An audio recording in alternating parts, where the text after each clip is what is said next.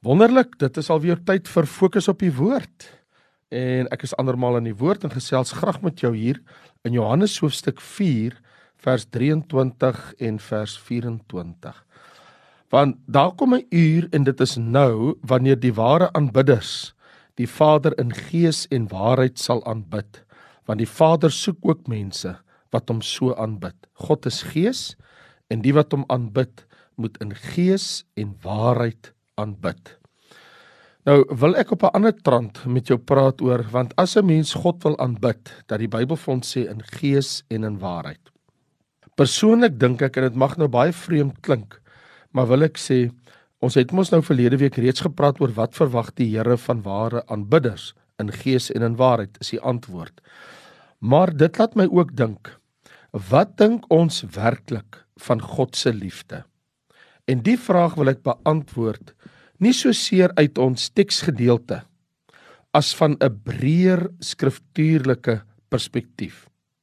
En wat ek daarmee bedoel is as die kerk van vandag meer tyd gemaak het vir ernstige studie van God se woord, sou dit baie valshede oor God die nek ingeslaan het. Hoekom sê ek so? Want om reg te dink oor God, het ons eerstens nodig om die woord van God te ken. Die woord van God is tog sekerlik in die finale die openbaring van God self. Dis mos nie wat ons oor God dink wat waar is nie, maar mos wat God oor homself sê wat waar is. Anders skep ek mos my eie God in my denke. Ander woorde, die God van die Bybel soos hy homself geopenbaar het in sy woord. Dit is die openbaring van God self. In die finale kan ons mos nie daaraan gaan Peter nie. So om God in gees en in waarheid te aanbid, moet die waarheid oor God tog sekerlik ons lewe deurdronge. Die een groot area waar mense in dwaal en hulle vergis is in hulle verstaan van God wanneer dit kom by die liefde van God. In my eie opinie is dit seker een van die grootste dwaalinge in die kerk van die Here vandag. Want jy sien, Wanneer ons verkeerdelik dink oor die liefde van God, dan dink ons verkeerdelik oor God. So, wat dink ons werklik van God se liefde? As ons ware aanbidders van God wil wees, sal ons dit moet antwoord. Wat dink ons werklik van God se liefde? Nou wil ek sê, die probleem wat ons het, is die verkeerdelike persepsie oor God se liefde. As ek daai vraag wil antwoord, moet ons eers gaan kyk na wat is die probleem. Want ons praat hier van 'n valse perspektief, 'n verstaan van die liefde van God.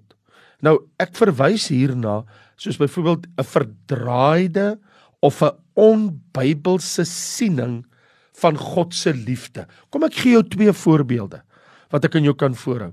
Die een is 'n predikantsvrou wat die volgende te sê gehad het teenoor 'n man van God wat met haar gepraat het oor haar huwelik. Dit was vir hierdie man, hierdie man van God 'n groot skok, want die man wat hy mee bevriend was, het vir hom kom sê, "My vrou skei my. Sy wil nie meer 'n predikantsvrou wees nie." Niks. Maar niks kon sy vrou van haar siening laat afsien nie. En weet jy wat was haar rasionaal? Haar, haar denkwyse oor die saak. Haar rasionaal waarmee sy haarself versterk het in haar besluit om haar predikantman te skei was sy het geweier en ek bedoel dat ek dit net terloop sê want hierdie is 'n werklike gebeurtenis om na enige predikant enige sielkundige vriend of raadgewers te luister haar rasionaal was ek is nie meer gelukkig nie God is lief vir my en hy wil hê ek moet gelukkig wees en daarom is my huwelik nie meer God se wil nie want 'n liefdevolle God sal nooit van my verwag om my lewe te spandeer met 'n man of met iemand wat ek nie meer liefhet nie. So vir hierdie rede het sy van hom geskei. Natuurlik, die storie kom vandag oor duisende mense se lippe. Ek is nie meer gelukkig nie, so ek beweeg aan. Nou in hierdie voorbeeld is God se liefde iets wat by hierdie vrou registreer as God bestaan om my gelukkig te maak volgens my definisie van wat geluk is. En hierdie is 'n grootlikse dwaaling. Want hierdie verkeerde persepsie oor die liefde van God sien ons deurwerk op baie ander areas van die lewe. Kom ek noem vir jou 'n tweede voorbeeld. As dit gaan oor ouerskap. Ek bedoel nog nooit van tevore is ouers so oortuig van hulle verantwoordelikheid om hul kinders gelukkig te maak soos die ouers van vandag nie. En laat ek 'n ander ding sê. Hierdie ongelukkige manier van dink werk mos nou so.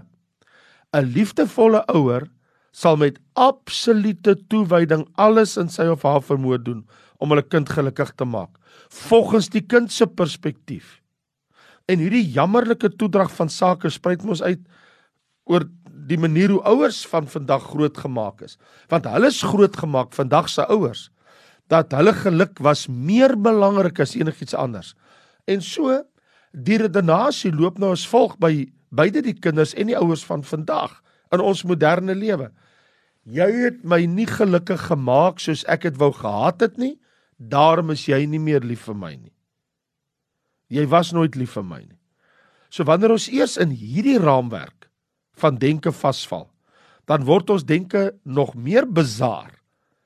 Ek bedoel want die Bybel sê in Johannes 3 vers 16 want so lief het God die wêreld gehad dat sy eniggebore seun gegee het. Nee nee, hierdie mense, hulle verstaan nou uit hierdie teks uit. Christus het die kruis verdra en hy's gekruisig sodat ek gelukkig kan wees elke dag. Christus het gesterf om my 'n gelukkige mens te maak. Jy sien waar lê die fokus?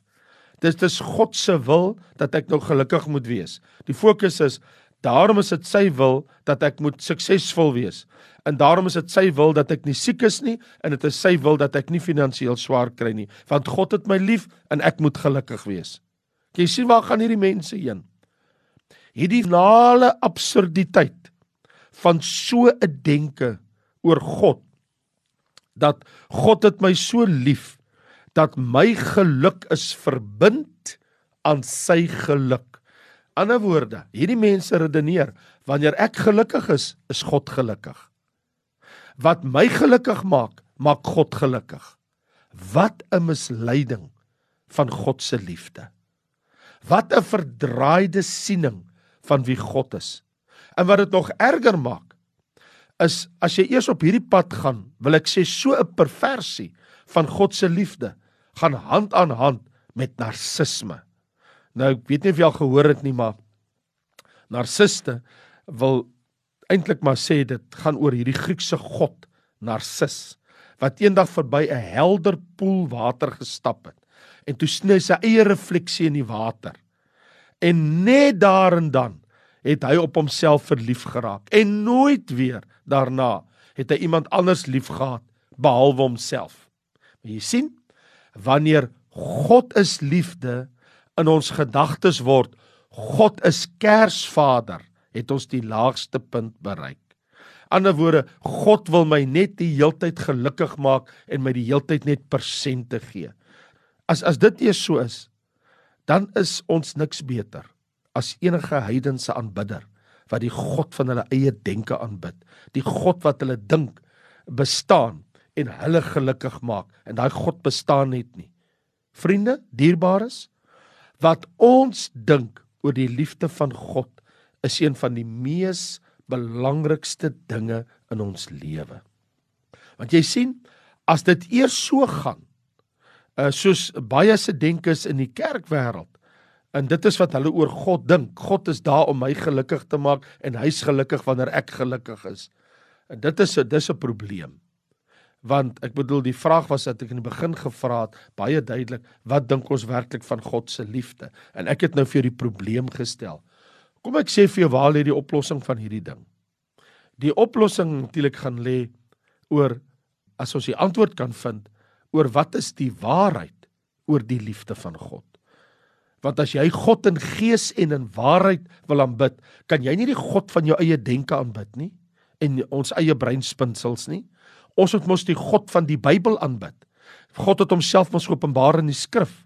Die skrif sê mos vir ons wie is God. So hier is die oplossing vir so 'n denkpatroon. Die waarheid is God se liefde is 'n heilige liefde. En dit is nooit in konflik met sy heiligheid en sy geregtigheid nie. In ander woorde, God se liefde bots nie met sy heiligheid en sy geregtigheid. So God gaan nie maar net vir mense sê ag ek is so jammer om te hoor jy so jammer en jou situasie. Hier is nie 'n sapsoetige uh, uh sentimentaliteit nie. God is 'n heilige God. God is 'n regverdige God. God is ook die regter. Sy liefde, sy waarheid, sy goedheid, sy heiligheid roep my in jou om ook so te wees. Ek bedoel daar staan ons in 1 Petrus 1 vers 16 en soos wat hy wat julle geroep het heilig is, moet julle in julle hele lewenswandel heilig word. So God sal nooit enige aksie van enige persoon kondoneer. Dit wil sê goed praat wat nie strook met God se heiligheid, God se waarheid en God se geregtigheid nie en wat hierdie arme predikantsvrou wat gefaal het om te verstaan dat geluk word gevind in God se karakter. Dit het sy gefaal om te verstaan. Want jy sien, dit die waarheid is God is meer besorg oor selfs ons geluk as wat ons is, maar hy sal nie tevrede wees met 'n minderwaardige geluk nie. Wat beteken dit dan om 'n gelukkige mens te wees? Want my Bybel sê in Matteus hoofstuk 5, salig, dit wil sê gelukkig is die wat arm van gees is, want aan hulle behoort die koninkryk van die hemele. Salig is die wat treur, want hulle sal vertroos word. Salig is die ootmoediges, want hulle sal die aarde beerwe. Salig is die wat honger en dors na die geregtigheid, want hulle sal versadig word.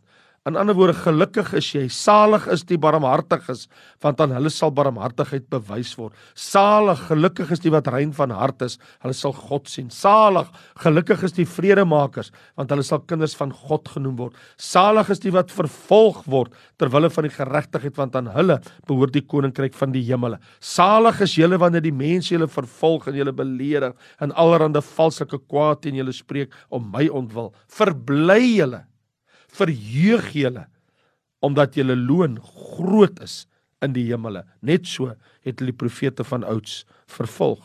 So, wanneer is ek 'n gelukkige mens as ek lewe volgens die woord van God? So ware geluk beteken om God se karakter in ons lewens te hê. En wie wat is die jammerlike ironie?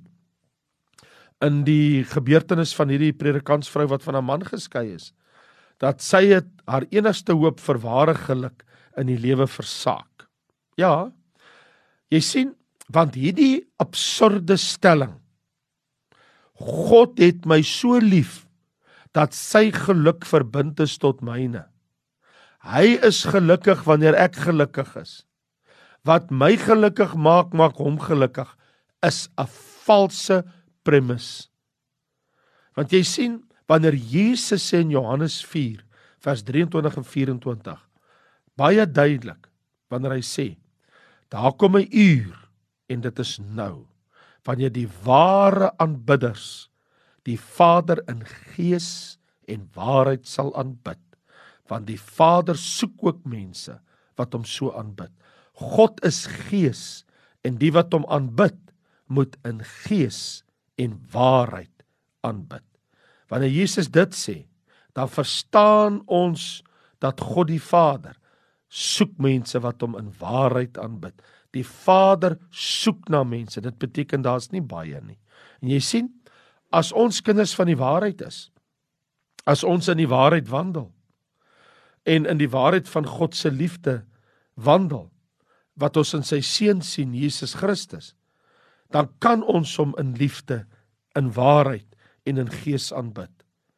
Want die grootte van iemand se liefde is tog sekerlik in hoeveel die persoon gewillig is om te gee. En die grootte van ons Vader en sy seun ons Here Jesus se liefde word geopenbaar in die kruis. Vader stuur sy seun en sy seun betaal die hoogste prys aan die kruis. Sekerlik het dit nie gegaan om ons gelukkig te maak nie. Ek bedoel om vir ons 'n geluksalige sorgvrye lewe op aarde te gee nie. Ek bedoel die hoof fokus was tog sekerlik dat verlore sondige siele gered kan word. Yes. En dit is die oneindige vuur van Christus se liefde. En Paulus sou later in Romeine 8 sê geen owerhede, geen magte, geen engele, geen teenwoordige, geen toekomende, geen hoogte of diepte of enige ander skepsel kan hom skei van die liefde van God wat daar in Christus Jesus ons se Here is nie. Daar's geen sapsoetige sentimentaliteit in hierdie liefde nie. Dis 'n ware liefde, 'n agapeo liefde. En hierdie God, die God van die Bybel, vra vir my en jou deur sy seun in Lukas 9, as iemand agter my aan wil kom, moet hy homself verloon. Gaan nie oor jou geluk nie. Jy moet jouself verloon en jou kruis elke dag opneem en my volg. Dit gaan toe nooit oor my geluk, my gemak, my eie narcistiese self nie. Dit gaan toe al die tyd oor sy seun Jesus Christus. Geen wonder dat Paulus kon met groot oortuiging in Galasiërs hoofstuk 2 vers 20 hierdie goddelike verklaring maak, want dit was sy werklike verstaan van God in sy seun toe hy gesê het Ek is met Christus gekruisig en ek leef nie meer nie, maar Christus leef in my. En wat ek nou in die vlees lewe, wil ek by sê, is nie om my gelukkig te maak nie, maar dit is om deur die geloof in die seun van God te lewe, die een wat my liefgehad en homself vir my oorgegee het. Dit is baie belangrik dat ek en jy korrek die liefde van God verstaan. Dis 'n heilige liefde. Yes, natuurlik. God is regverdig. God is heilig. God is liefde. Hy is lief vir ons. Maar ons het niks hier te doen met die vrug van mense denke nie.